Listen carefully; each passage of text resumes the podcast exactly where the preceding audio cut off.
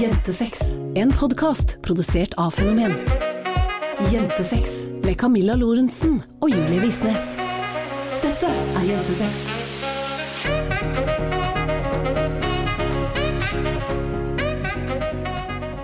Hallo sammen, og velkommen til en ny episode av podkasten Jentesex. Din favorittpodkast uansett hvor du hører på oss. Kanskje også din favorittlydbok hvis du hører 8-12 episoder på rad. I denne podkasten så snakker vi om sex, seksualitet, samliv og selvfølelse oss jenter imellom. Og du møter meg, Camilla Lorentzen. Og meg, Julie Visnes. Og vet du hva jeg syns er ganske morsomt? Hva er morsomt? Jeg merker jo at du syns noe er morsomt, for du lo jo deg gjennom den introen som om det ikke var noen morgendag. Det stemmer. Og det er at noen sendte deg melding, var det denne uken her, eller sent i forrige uke, og sa at eh, hun hadde hørt podkasten og hørt alle episodene, og hadde trodd hele tiden at jeg var deg og du var meg. Ja, Og da hun så bilder av oss etterpå, og skjønte hun hvem som var hvem, så ble hun helt Helt forfjamsa, og det kjenner jeg meg så godt igjen. Fordi så ofte så har jeg hørt på radio og laget meg en egen liksom eh, utseendegreie på de jeg hører på. For eksempel så hørte jeg på P3 Morgen en stund eh, med Ronny Brede Aase.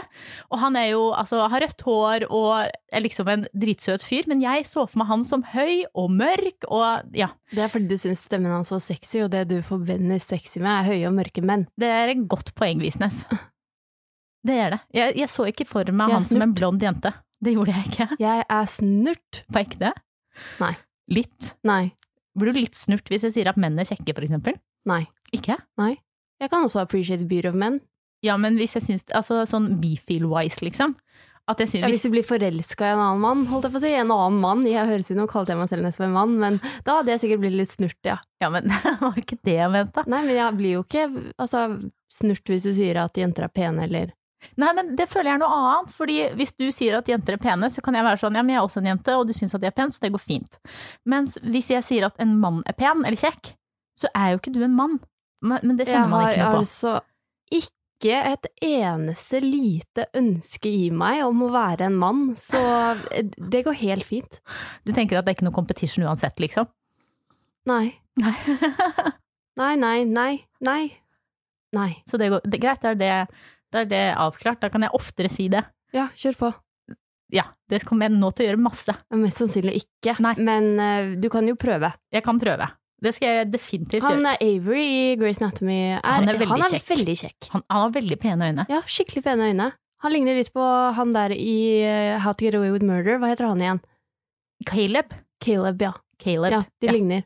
Ja, de, men det er Both cute. Ja, veldig, faktisk. Ja. Ja, det er greit. Da var det avklart. Eh, Hva har skjedd siden sist, Julie?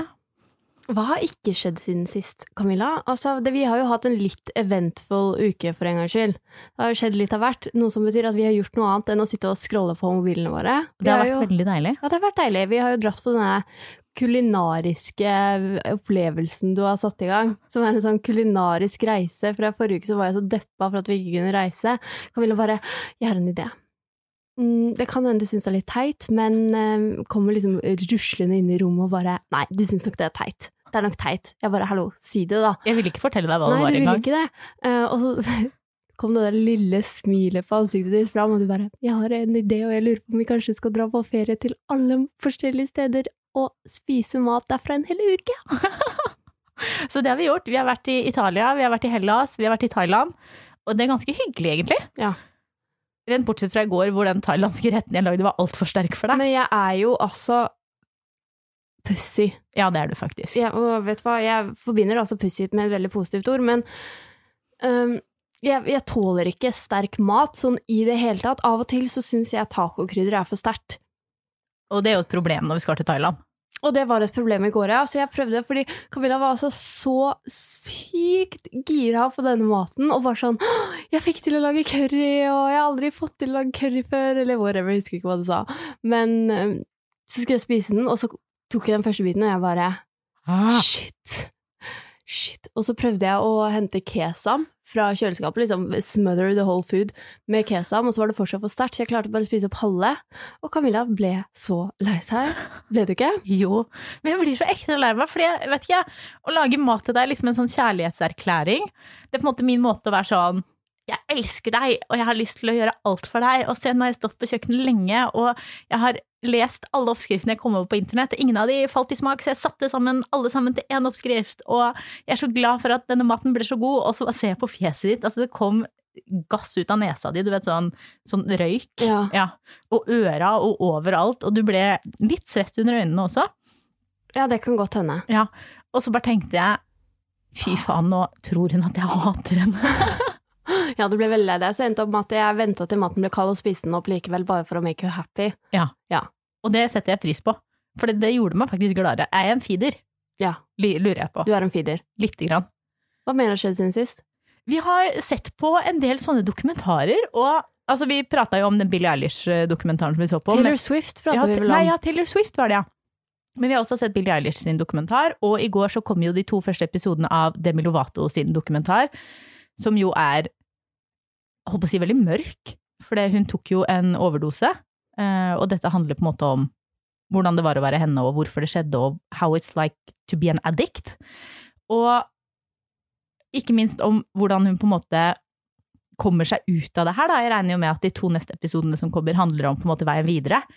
Og jeg veit ikke, jeg bare syns det er så sykt inspirerende å se på andre mennesker og få et innblikk i hvilke utfordringer de har møtt på, og hvordan de har på en måte fortsatt å jobbe. Fordi jeg syns det er så lett å liksom i hverdagen ellers og på Instagram og på internett så ser man alltid liksom suksesshistoriene, og så er det så lett å tenke at fy faen, alle andre gjør det så jævlig lett. Ja, og så syns jeg det er noe så sykt inspirerende med å tørre å være ekte. Og tørre å liksom vise det som er skikkelig, skikkelig sårbart, og det som faktisk er realiteten, da. Fordi vi lever jo i en verden som er veldig Setter på seg et ansikt og get on with your life, men sånne type dokumentarer viser faktisk at ok, men de vi ser opp til, eller de som på en måte har fått det til, da, de sliter de òg, og det er ikke sånn at fordi de har fått det til, så har de ikke drittdager, eller, eller sånn, og jeg kan skikkelig, altså nå skal jeg ikke si at jeg relaterer meg til Demi Lovato, for det gjør jeg absolutt ikke, men men jeg kan jo relatere til det å, å sette på et ansikt og late som at alt er bra. Og det er så inspirerende når man på en måte Eller når jeg ser at andre klarer å, å ta den maska, da. Ja, og så jeg føler også at jeg får et litt sånn annet forhold til på en måte vår egen reise, fordi vi driver jo også på en måte jobber oss opp og fram og vil få til noe vil komme et sted. Og jeg syns det er så lett å la på en måte alt det som ikke går bra, ta litt overhånd. Og liksom sette meg litt fast i at dette går dritt, dette går dritt, alt føles dritt, alt er piss. Eh, vi kommer aldri til å få det til.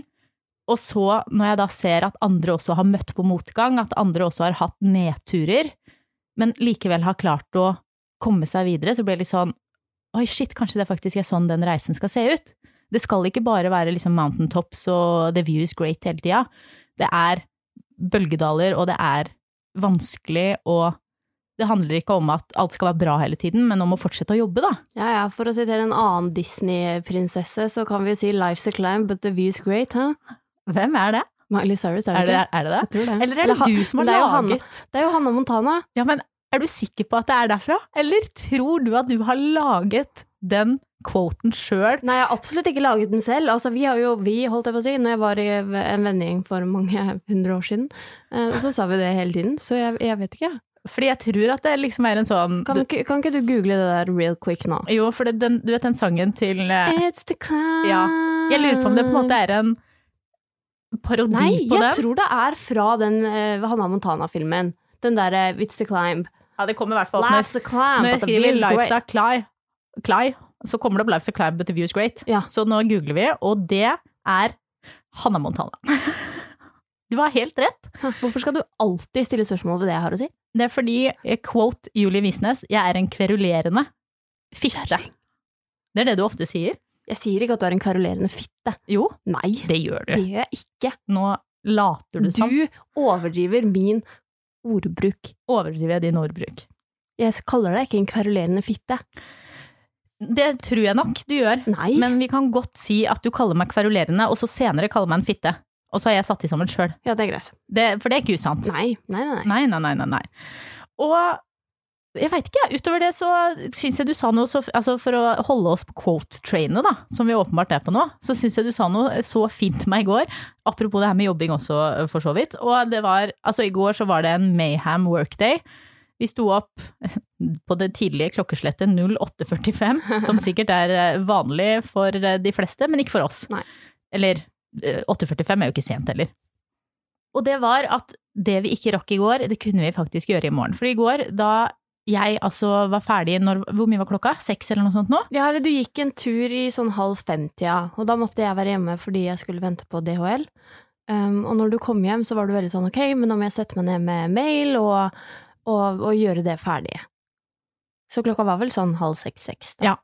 Og da fikk jeg, holdt på å si lov, men, eller du ga meg en reality check, da, på at det er greit å ikke gjøre alt med en gang. Og jeg tror det er så viktig for meg, fordi eh, altså jeg har en tendens til, og du har òg en tendens til, og når vi først jobber, så bare jobber vi liksom gjennom alt. At det blir sånne 13-14-15 timers arbeidsdager hvor det liksom bare er pang, pang, pang, pang. Og så går vi dagen etter ned i en sånn øh, grøft. Eksistensiell krise, får jeg kalle det. Det er det det også heter. Hvor vi bare ikke klarer å gjøre noen ting. Og det blir altså dårlig, dårlig, dårlig, og dårlig stemning og dårlig jobb og dårlig alt. Um, så jeg tror jeg må jobbe litt mer med å finne den balansen, og liksom ha det ok med at jeg ikke rekker å gjøre alt hver dag. Og jeg trengte litt den påminnelsen i går. Så egentlig vil jeg bare si takk, Vær så god. som den øh, kverulerende fitta jeg er, Og mener jeg. så gir vi den påminnelsen eh, videre, da. Ja, det er jo også kanskje Til litt alle som trenger å høre det, at eh, om du svarer på mail klokka 18.30 eller klokka 8.00 dagen etterpå, har ingenting å si. Klesvasken kan vente, støvsuginga kan vente. Når kidsa er lagt eller eh, oppgaven på skolen er innlevert, så har du lov til å sette deg ned og si takk og farvel til denne dagen her, og eh, ta kvelden. Ja. Er det fint å hoppe over inn i dagens tema i dag? Det syns jeg. Jentesex. I dag så skal jo vi, holdt på å si, snakke om noe som jeg tror mange kjenner på nå. Fordi det går jo mot sommer, og jeg tror ikke vi er de eneste som har oppdaga at Instagram, Facebook og det kjente sosiale nettverket VG flommer over av nyheter om hvordan man kan gå ned i vekt, hvordan man kan finne sommerformen, hvilke treningsformer som brenner mest magefett, og ikke minst hva du må unngå å spise for å ikke legge på deg fram mot juni. Ja, altså jeg merker det også på, for jeg har jo en del sånne gratis apper um, som jeg bruker til å redigere bilder og sånn, og um, det popper jo også sånne pop-up ads som man må se når man har disse gratis appene, og nå har de alle blitt liksom Uh, Shred for summer, join my 12-week program, how to get fit for summer, og jeg bare, fuck. Du får det liksom inn i monitor uansett hvor du snur deg. Ja. Jeg får alltid opp sånne eh, apper for spill, jeg. Når jeg driver med mine gratisapper. Sikkert fordi jeg spiller både Rayman og Fishdom over en lav sko, men der også er det sånn eh, Project Makeover, eh, Get ready to get your man. Altså til og med der. Til og med på lekeapp-fronten så har de altså dratt inn dietter nå. Og i tillegg så går vi jo inn i den nest mest eh, spisebefengte høytiden i året, fordi den som troner øverst er jo åpenbart jula, men påsken er jo også ganske høyt oppe. Og derfor så tenkte vi at det var kjekt i dag å ta en liten prat om mat, vekt, kropp og selvfølelse, fordi altså, vi er ikke de eneste som kjenner at sommeren kommer krypende, liksom. Nei, det tror jeg ikke. Hva slags høytid har påsken Altså hvis vi begynner med det, liksom. Hvis vi begynner med påsken, fordi nå er det snart påsken, den begynner sånn offisielt på torsdag, tror jeg. Men det er vel påske når denne podden kommer opp. Det er vel påskeferie da, for podden kommer ut på mandag. Ja, men mange jobber også mandag, tirsdag, onsdag. Gjør de? Ja. Ok. Det er som vanlig. Det er bare vi som alltid går på skole, oh, ja, stemmer det. som har fri hele påsken. Jeg har påsken. aldri ikke studert en påske, jeg, så dette blir første. Er det sant? Ja, nei, i fjor da. I Ja, da- fjor. Ja, Ja, andre da. andre Men i fjor telles ikke. Nei, da var vi veldig gråtete, Ja. og det var drit og Ja. ja. Vi kan snakke om det påskeegget en annen gang. Men eh, ja, hvordan har påsken vært for deg opp igjennom? Sånn diet-wise? Jeg vet ikke, sånn food-wise, eller godteri-wise, eller diet-wise, eller Nei, altså hele oppveksten min var jo, som jeg har sagt tusen ganger, dans. Ja. Uh, og jeg trente i påsken, eller så Altså, de fleste påskene så reiste jeg egentlig til Anita i Middlesbrough og trente. Og var på treningscamp og trente fra åtte til åtte og hadde liksom ikke noe sånn påskegreier. Men etter jeg begynte på jussen, så ble liksom påsken en veldig sånn binge-holiday, hvor vi alle i liksom vennegjengen, eller ikke vi alle, da det var meg og hun ene venninna mi, som satt eh, den dagen påsken var ferdig, som eh, diet start. Det var liksom startskuddet for sommerkroppen. Ja, x år. ja, så derfor så brukte vi jo da hele påsken på å bestille Peppis og spise en hel boks Ben Jerry's og yoghurtnøtter og godteri og alt sånn hver eneste dag. Og så snakka vi også litt sånn ok, men nå har vi spist veldig mye påsken, kanskje vi skal starte i morgen istedenfor mandag. Um, men så ble det aldri sånn. Så det ble, påsken ble binge de luxe, og så starta dietten på mandag. Deilig, gitt. Hva med du? Altså, de siste Altså, nå har jo jeg på en måte, misforstå meg rett, holdt jeg på å si, hatt et ålreit forhold til mat og kropp de siste årene. Um, men hos meg så begynte det nok mye tidligere. Jeg har jo på en måte ikke vært noe treningsfantast i det hele tatt. Jeg skulka jo gym, faktisk, gjennom hele videregående. Jeg fortalte gymlæreren min uh, at jeg hadde fysioterapitime, for jeg klarte å ødelegge korsbåndet mitt uh, da jeg var 15. Så jeg fortalte altså uh, gymlæreren min at jeg hadde fysioterapitime hver eneste tirsdag, jeg i nesten tre år. Um, og da gikk jeg opp og satte meg i bowlinghallen og spiste pommes frites. Skjønner du? Så lite fan har jeg vært av trening. Yes. Ja, Det er jo rart at du har blitt til den personen du er. ja, det er det faktisk. Uh, Men jeg var, jeg, det handla veldig mye om at jeg var sykt redd for å prestere foran andre, for jeg følte meg som hun tjukke, hun som ikke fikk Ja. til. Når vi hadde løping, så var jeg hun som kom sist. Når vi hadde fotball, så var jeg hun som ikke var noe god. Vi hadde sånne, husker du det, sånne over- og undertester, Ja. hvor vi skulle hoppe over en, en sånn bukk og så krype under den etterpå. Å ja, nei, det har jeg faktisk aldri hatt. Det var sånne, du vet sånne som man hopper over når man driver med hekkeløp? Ja. Sånne. Skulle hoppe over, og så krype under, og så skulle vi se hvor mange vi klarte på, om det var fem minutter eller whatever. Og det eneste jeg gjorde, var å hvelve den bukken hver gang jeg skulle under. Så jeg, altså jeg, det var det most humiliating jeg visste om i hele verden. Så det å være med på gym for meg, det handla ikke først og fremst om at jeg ikke ville trene, men om at jeg ikke hadde lyst til at andre skulle se hvor jævlig dårlig jeg var. Fordi jeg satte jo likhetstegn mellom eh, hvordan jeg veide og hvordan jeg så ut og hvor god jeg var i gym. Ja, men det er jo det som på en måte har tatt meg igjen litt nå, da. Ja. Med oss, liksom. Sånn, jeg vil jo ikke Eller nå har jeg jo vært med på en løpetur i år allerede, og det er jo faen stjerne i boka, men i fjor så var det veldig sånn at jeg ville ikke løpe med deg fordi jeg hadde så prestasjonsangst. Det var jo et helvete hver gang vi skulle ut og løpe, for jeg skjønte jo aldri hvorfor du ble så lei deg. Nei. Og det handla jo om at du ikke hadde lyst til å Så jeg kan relatere, da, Ja. til, eh, til det der. Ja, Faktisk. ja, men- ja. fortsett. Unnskyld, avsporing. Nei, det går helt fint. Jeg liker avsporinger, det er det beste jeg vet, faktisk. Men jeg har åpenbart ikke vært noe, noe treningsmenneske, og i påsken så var det nok en på en måte et, en ekstra grunn for meg til å spise mye. Mhm. Um, fra jeg var liten, så har jeg sneket meg inn på kottet hos mamma og stjålet meg sjokolade. Jeg, har, jeg husker en gang mamma hadde kjøpt en sånn pose med sånn Toblerone i sånn énpakk, eh, som sto inne på matrommet. Og jeg sneik meg inn altså der hver eneste dag og tok én bit Toblerone helt til det var helt tomt, og mamma skulle servere dette til gjestene sine, og det var ikke en, en bit igjen. Skjønner du? Ja.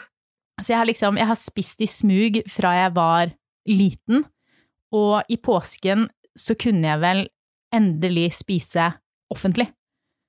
Sånn at jeg tømte påskeegget mitt på dag én, og eh, syntes det var herlig at det var Kvikk Lunsj tilgjengelig hele påsken. Eh, Tenkte på mat fra jeg sto opp til jeg la meg, og gjorde liksom ikke noe annet enn å, å spise.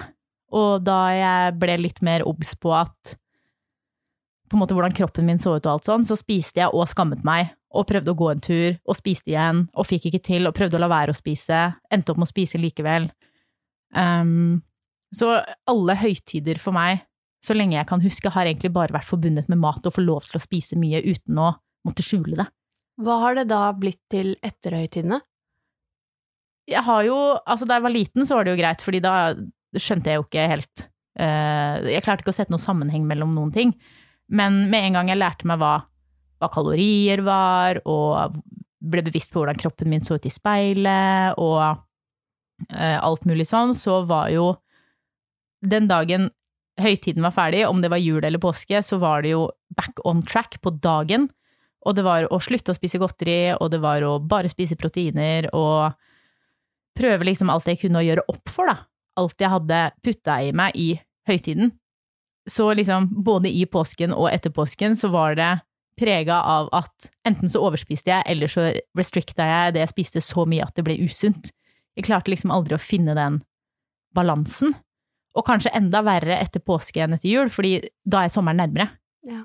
Sånn at tanken på at nå skal jeg snakke i litt klær, vi skal på stranda, gå i bikini, ble liksom sånn overhengende og fortalte meg hele tiden at du kommer ikke til å rekke det, du kommer ikke til å rekke det, du må være strengere, du må gjøre mer, du må trene hardere, du må spise mindre.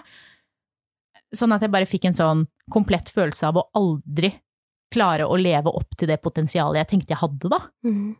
Gir det Shit. mening? Ja, ja, det gir masse mening, og jeg kan jo på en måte relatere veldig til den derre oi, shit, sommeren nærmer seg, og jeg må kjappe meg. Men så følte jeg liksom ofte at den derre kjappe meg-følelsen førte til at jeg spiste mer, og at jeg bevegde meg mindre, og at det til vekta på en måte gikk oppover og oppover og oppover, og oppover, og så satt jeg der bare med en sånn svær, gigantisk mislykka følelse. Um, ja. Ja, det er ikke noe digg, ass. Og altså, jeg vet at vi ikke skal på en måte snakke så mye om, om covid og hele den pakka her, men jeg vet jo at mange føler på at hverdagen ikke har vært den samme nå i løpet av det siste året, og at man har klart å trene mindre og spise mer, og jeg vil jo tro at også mange kjenner på det nå. Ja, altså hverdagsaktiviteten, i hvert fall for min del, har jo gått enormt ned. Altså det er ikke sånn at vi går noen steder lenger nesten. Hvis jeg skal ha noe skritt på klokka mi, holdt jeg på å si, så må jeg bestemme meg for å gå en tur. Mens før så var det jo mer sånn ok, vi går hit, vi går dit, vi går opp og ned og bort og fram, og så ble det bare hverdagsaktivitet, mens nå er det mye mer et aktivt valg, og det syns jeg er ganske vanskelig. Um, så åpenbart så har jo aktiviteten gått ned, og jeg føler liksom det var ok i fjor, liksom i starten, for det var liksom sånn ok, yeah, vi skal få i gang en hjemmetreningsrutine i et par måneder, det blir dritbra, vi satte i gang livetrening og, og alle de tingene der, og så etter sommeren, når ting liksom stengte ned igjen, da ble det bare sånn at fuck it. Fuck it, jeg gidder ikke, det er ikke vits. Når jeg kommer tilbake på treningssenteret, så må jeg starte på nytt uansett, så might as well do nothing. Kjenner du at det er en sånn tankegang som følger med deg? At du fortsatt har den? Ja, ja, men ikke like mye nå som det på en måte er fint vær igjen. Og så har jo Fanny um, fiksa litt sånn hjemmetreningsgreier nede, og det hjelper meg veldig mye at jeg ikke må gå ut. At vi har et rom som vi kan gå inn i, og så bare ok, men det her er treningsrom, og når jeg går inn hit, så skal jeg trene, og jeg trenger ikke gå langt, jeg kan bare gå den trappa. Um, så det kjente jeg at når vi trente der på mandag, så var det liksom veldig lavterskel. Men um, det er jo generelt mye vanskeligere. Men sånn, sånn sommer nå, liksom. Hvis du skal være helt ærlig, kroppswise, gleder du deg til sommeren? Nei. Men det gjør jeg aldri. Um, og spesielt sånn, jeg kjenner, jeg har jo kjent veldig mye på det etter, etter jeg begynte å på en måte satse Instagram igjen. Um, så følger jeg jo Altså majoriteten av, av menneskene jeg følger, er jo motekontor og folk som, folk som driver med fashion og, og sånn, og de er jo De er jo så tynne. Og jeg er veldig Altså, jeg, jeg er tynn, men jeg er ganske kraftig bygd. Og spesielt etter eh, dansinga og sånn her, så har jeg liksom ganske brede skuldre, og, og jeg har veldig mye muskler i ryggen, og, og beina og alt, egentlig. Og jeg har jo kjent på at jeg, jeg burde vært mer petit, og at når jeg skal legge ut bikinibilder på Instagram i sommer, så blir det liksom Eller jævlig sammenligna med dem, da. Um, så jeg har kjent en del på det der med å, å sammenligne med meg med, med, med, meg. Sammenligne med meg. Faen. Sammenligne meg med, med andre. Som jeg følte at den perioden jeg var off Instagram, var mye lettere. Ja. Jeg sammenligna meg liksom ikke med folk da. Da fulgte jeg vennene mine, og jeg fulgte familien min, og jeg fulgte liksom folk, folk jeg brydde meg om. Men for å, for å kunne henge med i bransjen nå, da, så er jeg liksom avhengig av å ha disse menneskene i feeden min, og jeg kjenner jo at det, det går jo utover psyken min. Hvordan da? Sånn med tanke på kropp og, og sånn, og det er liksom Jeg føler nesten at jeg ikke burde trene, og at jeg ikke burde ha muskler, og at jeg, jeg burde være liksom Kate Moss. Skjønner du? Nothing tastes as good as skiddy feels, Ja. liksom. Ja. Og det har kommet med, med Insta. Ja. Men det er, jo, altså, det er jo ikke rart at det kommer med Insta nå, fordi at nå ser vi jo ingen mennesker in real life. Um, så Instagram er jo basically den eneste kilden til human contact, da. Selv om det er på internett, og det er curated, og det er fake, og det er alt, så er det fremdeles det man ser, og det man ser sammenligner man seg jo med. Eller i hvert fall jeg, da. Jeg sammenligner meg med det jeg ser, og jeg skal slutte å si mann, men ja. Can you relate? Ja, om jeg kan relate, ja. Vi prøver jo på en måte å, å begge to på en måte bli bedre på det her med, med fashion, og fordi det er en retning du har lyst til å gå i. Og det er jo kjempegøy, og jeg også er jo inne, for vi har jo Instagrammen til hverandre så vi kan se hele tiden, og er inne og blar og blar og blar og blar og blar og blar. Og det er jo ikke en person i den feeden du har nå, siden du følger på en måte kun fashion-profiler, som ligner på meg i det hele tatt. Og jeg føler jo at jeg burde være mer sånn, fordi det er åpenbart det som er godt nok. Men hva, hva er det som gjør at vi føler det sånn at det er det eneste som er godt nok, eller at vi burde se ut mer som dem, eller Fordi det er jo samfunnet og det vi har snakka om mange ganger med patriarchy og male gaze og hele den pakka der, men jeg har virkelig ikke et, et bein i kroppen min som trenger male validation. Nei, men jeg tror det har litt Altså, vi er jo flokkdyr, sant? Ja. Eh, mennesker generelt. Og så er det jo noe med at vi har lyst til å passe inn i den flokken vi, vi er i. Og når man, eller når vi, og spesielt på en måte på din profil, velger å omgi seg med kun én type menneske, så får man jo servert budskapet hver eneste dag om at det er et sånn type menneske du må være for å få til det du har lyst til å få til. For det, det er jo det dette handler om, at for at du skal klare å, å bli en fashionprofil, da, eller for at du skal klare å på en måte satse på mote som en retning, så må du se sånn ut. Fordi det er sånn alle andre som får det til, ser ut. Så Altså, det er jo en grunn til at vi trenger på en måte rollemodeller i alle former og fasonger og legninger og kjønn og hele den bøtta der. Det er for at alle, uavhengig av hvordan de ser ut, eller hvem de elsker, eller hvilken farge de har på huden, skal føle at det er en plass til de hvor de faktisk kan lykkes. Ja. Mens når den, på en måte, altså som du sier da, den, den virkeligheten man eksponeres for, ikke ser ut som noe du kan kjenne deg igjen i, så tror er det jo lett å tro også at jeg må se sånn ut for å få det til. Gir det mening? Ja, ja, ja, det gir skikkelig mening. Jeg bare kunne ønske at jeg Eller jeg føler at jeg er så svak mentalt. At du burde vært sterkere, liksom? At jeg burde klart å liksom stå imot det presset, eller, eller på en måte finne andre profiler å følge, da. Um, men utforskeren min på Instagram viser meg jo det utforskeren min på Instagram viser, og det er jo de profilene jeg allerede følger, holdt jeg på å si, så ja.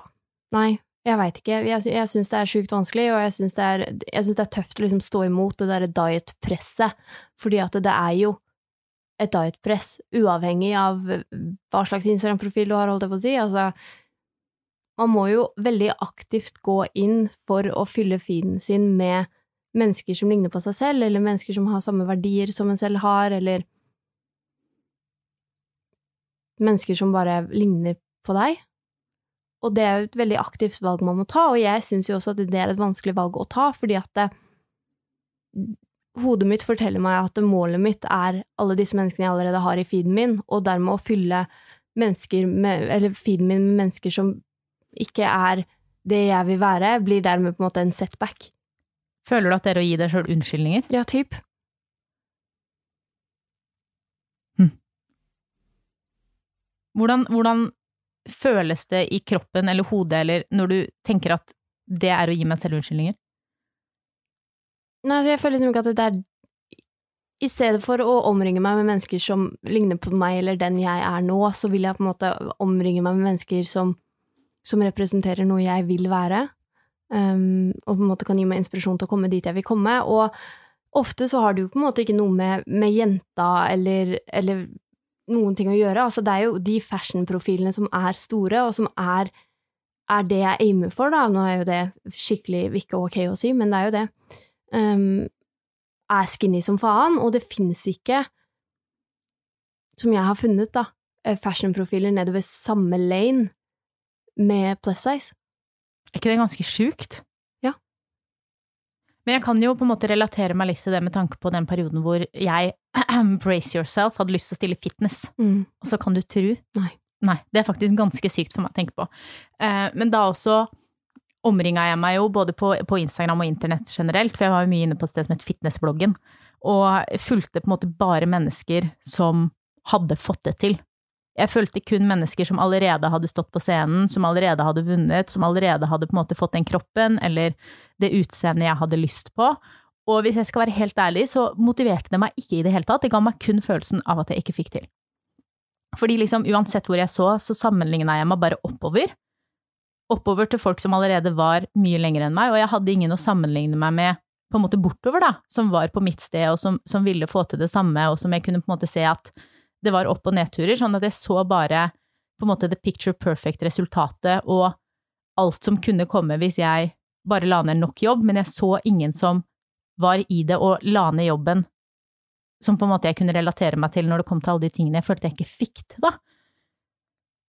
Så jeg, jeg skjønner jo på en måte behovet vi har for å se opp til mennesker, og jeg skjønner at vi ønsker å på en måte se på de som har kommet dit vi ønsker å være, fordi vi tenker i hodet vårt at det kan være en slags motivasjon til at jeg også skal få til, fordi hun viser det livet jeg har lyst til å leve, hun viser den Instagram-feeden jeg har lyst til å ha, og hvis jeg bare følger henne lenge nok, så vil jeg også få det til, men jeg tror vi også trenger mennesker som ikke er der ennå. Mennesker som ikke har fått det til helt, mennesker som fortsatt liksom er på samme sted som oss, da, sånn at vi har noen å ikke bare se opp til, men noen å relatere til.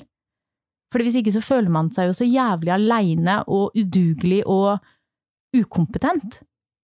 Ja, og jeg syns jo generelt at å blande inn en del kroppspositive mennesker i feeden er positivt for den mentale helsen min, og det er nok positivt for den mentale helsen til de fleste, men så kan jeg også på måte kjenne på det der med at å følge kroppspositive mennesker er litt kleint, fordi at jeg får opp Altså, nå er det jo ikke noe stress lenger, fordi at nå sitter vi jo ingen steder og scroller, holdt jeg på å si. Altså, jeg sitter ikke på buss og scroller nå, men jeg husker Um, før jeg møtte deg, så hadde jeg deg i feeden min, og så, og så satt jeg seriøst liksom på bussen og scrolla nedover, og så kom det opp en av disse sjuke dansevideoene dine, og så det tok seriøst et halvt sekund fra jeg så den videoen til jeg unfollowa deg. Tuller du? Fordi jeg syntes det var flaut. Ble du flau? Ja. Er det, dette er helt ny informasjon for meg? Tror du mange kjenner på det? Ja, men, men vi snakka jo til og med om det i den vennegjengen hvor jeg var i. Det er så hyggelig for meg. Ja, dette Nei, setter men- jeg pris på. Nei, nei, men ikke noe sånn negativt om deg whatsoever. Det var ingenting sånn der du er extra, eller du er for mye, eller du er la-la-la. Det var liksom sånn legit, jeg syns det er flaut å ha kroppspositive mennesker i feeden min.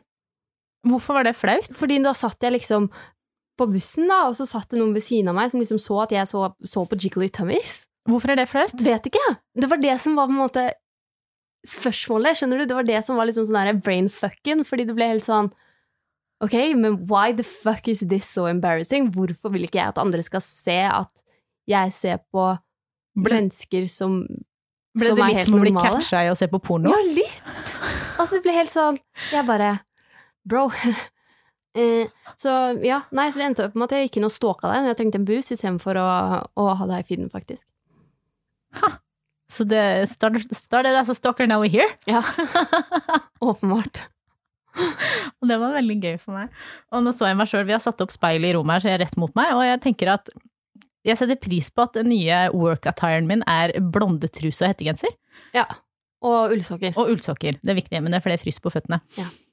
Men tror du, tror du at mange unngår å følge mennesker som de kjenner seg litt igjen i, eller som gir dem en boost fordi de blir flaue?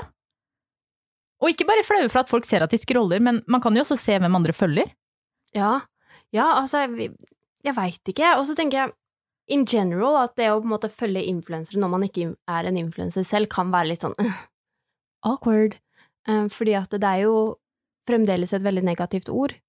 Eh, og da følge en influenser som er tjukk i tillegg, er på en måte gods. Ja. What are you doing? What kind of inspiration do you get over there?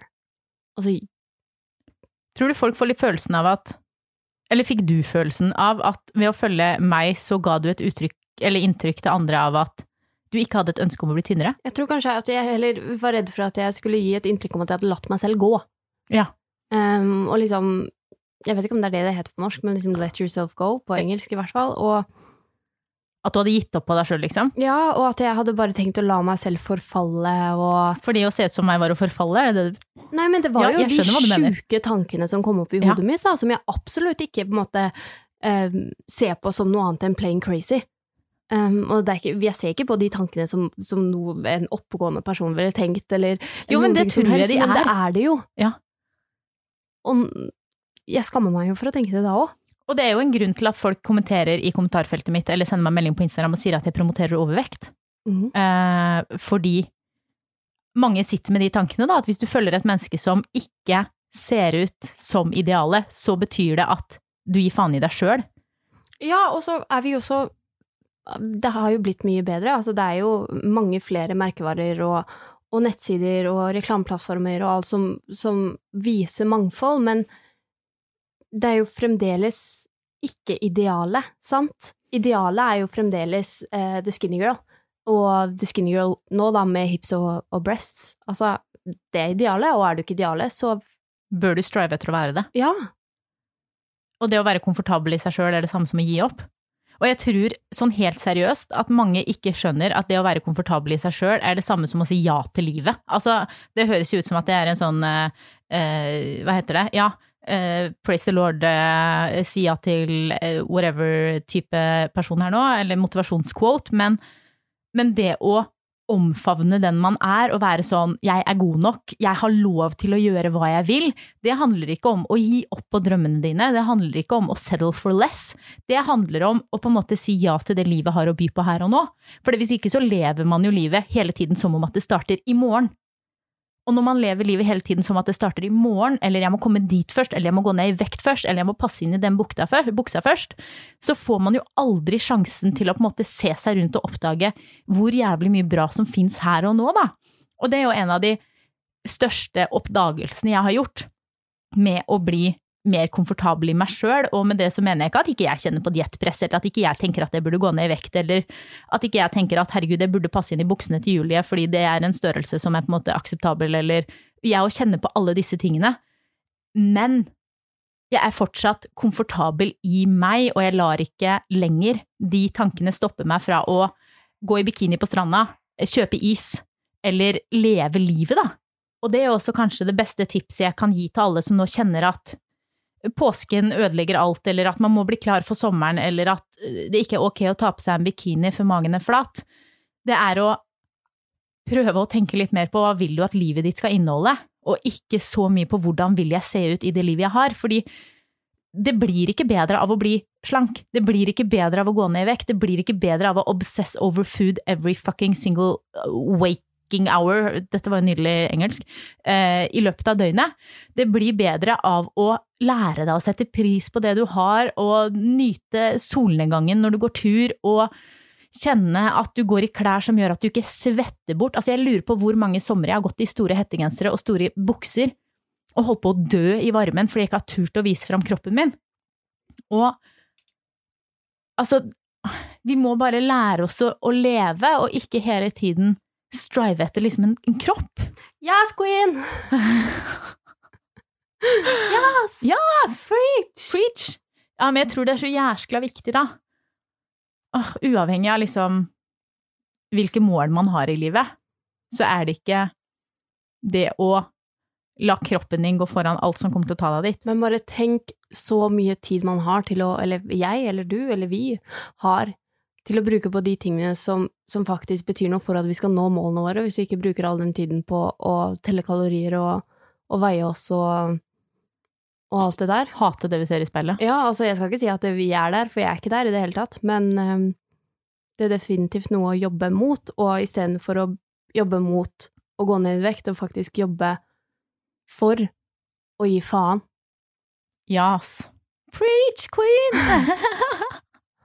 ja, og jeg tenker at det er en fin eh, avrunding av eh, ukens prat før vi går over til ukens spørsmål. Vi håper at du tar med deg noen av de gode ordene. Jeg vet ikke om vi har kommet med så mange gode ord, men vi har i hvert fall kommet med en del personlige tanker. Ja.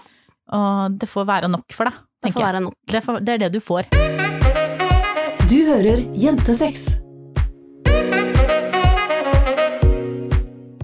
Og jeg vet at vi har fått inn et spørsmål fra Siri i dag som er langt og Ja, godt. Langt, og derfor så skal vi bare ha ett spørsmål i dag, og det har vi jo også hatt noen tidligere episoder, men vi må bare ha et, dette ene spørsmålet i dag, fordi det er så langt, og det er så godt, og det er så bra, og det Ja, Er så ærlig. skal jeg bare ta spørsmålet, da? Begynn. Ja, Siri sier Hallo, jeg vil takke for en inspirasjonspod. Jeg har aldri sendt dere melding og har kviet meg en stund, men nå tar jeg en råsjans og håper dere kan hjelpe meg. Rådvill, desperat og sprengkåt. Elsker Siri. Ja. Min kone og jeg har vandret sammen i snart ti år. Vi har hatt våre beste og verste tider opp igjennom, og hun gir meg fortsatt en stormende følelse som varmer meg. Good. Vi har kjøpt hus sammen, mitt barndomshjem, vi har barn sammen, men vi mangler noe vesentlig viktig. Sex er helt fraværende. Det er et sårbart tema som er altoppslukende, og jeg har kommet til et punkt hvor jeg stanger litt i veggen. Tar jeg det opp, er det som at jeg kaster flammer i rommet, og avstanden blir større. Jeg har forsøkt i flere anledninger å lage det romantisk, kjøpt massasjeolje og lært meg hennes kjærlighetsspråk. Anskaffet barnevakt, laget date, ulike tilnærmingsforsøk uten resultat. Hun sier at hun ikke er nødt for å ha sex i et forhold, og jeg vrir meg innvendig fordi det er vesentlig viktig for meg. Hvor lenge siden vi har hatt sex, spør du? Snart fire år? Jeg drømmer om sex, fantaserer om sexliv, og det spiser meg helt opp. Jeg har våte drømmer og våkner av orgasmer. Av og til føler jeg en skam når jeg uttrykker det, som om jeg fremstår egoistisk og selvsentrert. Hva med å skille lag, tenker du? Vi har ikke så mange alternativ, da jeg for det første ikke vil gi henne opp. Jeg har valgt henne. Og for det andre så har jeg ikke råd til å sitte med dette barndomshjemmet mitt alene. Byrden blandet med mislykka følelse av å selge barndomshjemmet. Jeg er snart 35, og jeg vil ikke avslutte sexlivet da det egentlig burde ligget på topp. Jeg dagdrømmer om sex, kos og nærhet, og da vi var nyforelska kunne vi ha sex til alle døgnets tider, det var fullstendig vilt. Men jeg trenger råd. Jeg har ikke mer igjen, jeg føler jeg gir litt opp, så får dagene bare gå. Gir dette noe mening i det hele tatt? Hilsen Siri. Å, jeg får så vondt i hjertet mitt av Siri. Camilla har tårer i øynene. Ja, jeg Ja, men jeg syns det er så trist, da, fordi Altså, sånn som jeg leser Siri her, så har hun jo funnet dama i livet, liksom. Dette er dama hun har lyst til å, å dele alt med. Oppturer, nedturer, alderdom, liksom hele alltid. Men så mangler det liksom den ene tingen som kanskje fører til at Siri virkelig føler at dama vil det samme med henne. Ja. Skjønner du litt hva jeg mener? Ja, så Det blir jo liksom det vi snakka om i den episoden med, med sexlyst, hvor vi snakka om dette å ha ulik sexlyst, og hvor ødeleggende det kan være. Fordi det er noe med at Altså, for både meg og deg, da, så er jo liksom Vi jo, har jo fortsatt forskjellig sexdrive, men vi er på en måte ikke så forskjellige, syns du det? Nei. Nei. Ehm, sånn at jeg, jeg tror i hvert fall at både du og jeg føler oss på en måte elsket og ønsket og attraktive. Um, og jeg skjønner så godt at Siri syns at det er vanskelig når på en måte det å ha sex er også det hun setter likhetstegn til nærhet og kos med. Fordi det er jo noe du ønsker fra en partner. Og selv om sex ikke er viktig for dama, så er det på en måte det som er kjærlighet, da, nesten for Siri. Det er det som på en måte fører til at hun føler at, at de er et team, at de er på samme lag, at de er nær hverandre, og at det ikke er noen annen i verden som kan ta den plassen som Siri har i dama sitt liv. Og jeg skjønner at det er så sjukt vanskelig. Ja, og så blir jeg liksom litt sånn rådvill også, fordi hun skriver jo alt det her med 'jeg har prøvd alt, jeg har fiksa barnevakt, jeg har tatt det opp, jeg har Men så skriver hun jo jeg, nå, Du vet, hodet mitt bare går, men hun skriver at hver gang hun prøver å ta det opp, så blir det liksom flames. Betyr det da at det blir en, heavy ass-krangel? Ja, eller at det, det kan også bety at det bare blir stopp. Ja. At det på en måte er som å snakke til en murvegg, og at det ikke finnes noe på en måte ønske om løsning eller forsoning hos dama, da. Ja. Og at hun ikke kanskje forstår hvor stort dette er for Siri. Fordi Ja, hvis- Siri ikke har, har lagt det fram på en måte hvor Vi snakka jo litt i forrige episode om dette med å være selvutslettende. Um, og sette sine egne behov bak, og så blir det to personer som eh, altså prøver å å fylle en, en persons behov. Tror du det kan være litt casen her? At Siri ikke har klart å kommunisere ord ordentlig hvor viktig sex faktisk er for henne. Ja, så istedenfor å kommunisere, så kanskje hun, hun lager date nights og fikser barnevakt, og, og ikke gjør, kommuniserer på en så klar og tydelig måte at dama faktisk forstår at dette er vesentlig. Dette er kjempeviktig for Siri. At hun kanskje tror at det hadde vært hyggelig med sex, men det, det er ok. Mm. Ja, det kan godt hende. Og det er sånn jeg kunne jeg ønske vi hadde. Siri her, liksom. så vi kunne sånn at vi med henne. spørre alt. Altså, det burde vi gjøre en gang. Men Men, men for å si det sånn, så håper jeg jo også at det er det som er casen. ja. Fordi hvis det ikke er det som er casen, hvis det er sånn at Siri har lagt fram det her og, og virkelig på en måte eh, lytta til alle eksperters råd om hvordan du skal ta opp et problem, eh, kommunisert gjennom hva hun virkelig behøver, eh, fått på en måte gjennom budskapet om hvor viktig sex er for henne og hva det gjør med henne innvendig, og dama ikke hører, eller rettere sagt ikke har noe ønske om å endre på noe, for det har jo hun også full rett til. Hun har jo full rett til å ikke ønske å ha sex, men hvis det er sånn at Siri på en måte har, har virkelig prøvd alt, så er det jo Altså, hvilke råd skal man komme med da? Men hva med i stedet for å ta ekspertenes råd og prøve å, å bruke det hjemme, kan man ikke da ta med hele forholdet til en ekspert i stedet? Og gå til parterapi Ja. og si 'dette må vi gjøre fordi jeg føler meg ikke ønska og attraktiv'. Og det er viktig, viktig for meg, og jeg føler ikke at når vi er hjemme og, og prater sammen, og jeg prøver å ta opp det her, at jeg kommer gjennom, og derfor så er det Hadde det vært utrolig ut, fint for meg, og det hadde betydd kjempemye for meg om du ville blitt med meg i, i parterapi. Og om det på en måte føles lettere å, å ha en psykologtime selv først. Altså, jeg har jo gjort det nå. Jeg har eh, gått til psykolog i noen måneder, eh, en ny psykolog her i Tønsberg, og Camilla skal være med neste time. Jeg gruer meg litt. Ja, men og hvis du føler at det blir lettere hvis du, du finner en riktig psykolog, eller kjenner psykologen litt først, eller vet at psykologen er flink, for det, det kan jeg på en måte kjenne meg litt igjen i, det der med å Tenk hvis vi booker en parterapitime hos en person som ikke kan kompleks PTSD, og så kommer han bare, eller hen eller hun, til å sitte der og le av meg, liksom, og si at du skal dumpe meg, eller, eller at det jeg har ikke er en diagnose, eller altså alle de tingene der, at hvis du finner en psykolog som faktisk er kompetent på dette med sex og sexlyst, og, og har noen gode råd å gi, at det kan føles litt lettere å dra med henne til en slik psykolog, fordi da vet du at det som dere får, er kvalitet, da. Ja, og så Siri nevner jo også dette med skam. Ja. Ikke sant? At hun skammer seg for å ønske det. Og det kan jo på en måte fort gjøre at den skammen gjør at hun faktisk ikke klarer å kommunisere ordentlig ut hva hun trenger. Eh, Og hun har prøvd å vise dama hva hun trenger ved å på en måte legge opp til at nå kan vi ha sex, eh, eller prøve å ta det opp. Og nå aner ikke jeg hvordan Siri har tatt det opp, men, men jeg kan jo kjenne meg igjen i å ønske å ta opp et problem, og så går man og ruger på det såpass lenge at når man først når jeg først sier noe, da, så er det sånn fy faen, jeg skjønner ikke hvorfor du alltid.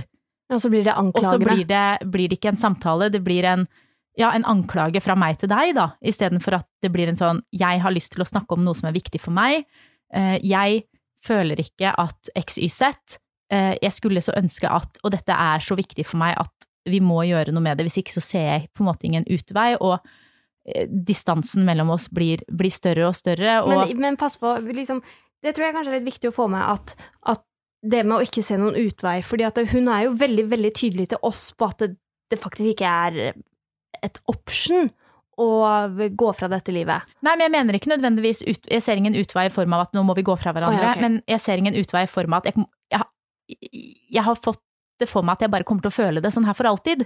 Fordi jeg vil ikke gå fra deg, jeg vil ikke selge barndomshjemmet, jeg vil ikke leve med noen andre, jeg vil leve med deg. Men da må du vite at sånn som det er nå, så kommer jeg til å ha det sånn for alltid. Da kommer jeg til å, å føle meg alene i forholdet vårt. Da kommer jeg til å føle at, at jeg er replaceable, eller jeg kommer til å føle at du ikke elsker meg. Og den konsekvensen må du ta hvis vi fortsetter som nå. Fordi det er jo, det er jo litt det det handler om, siden Siri ikke har lyst til å gå. Ja.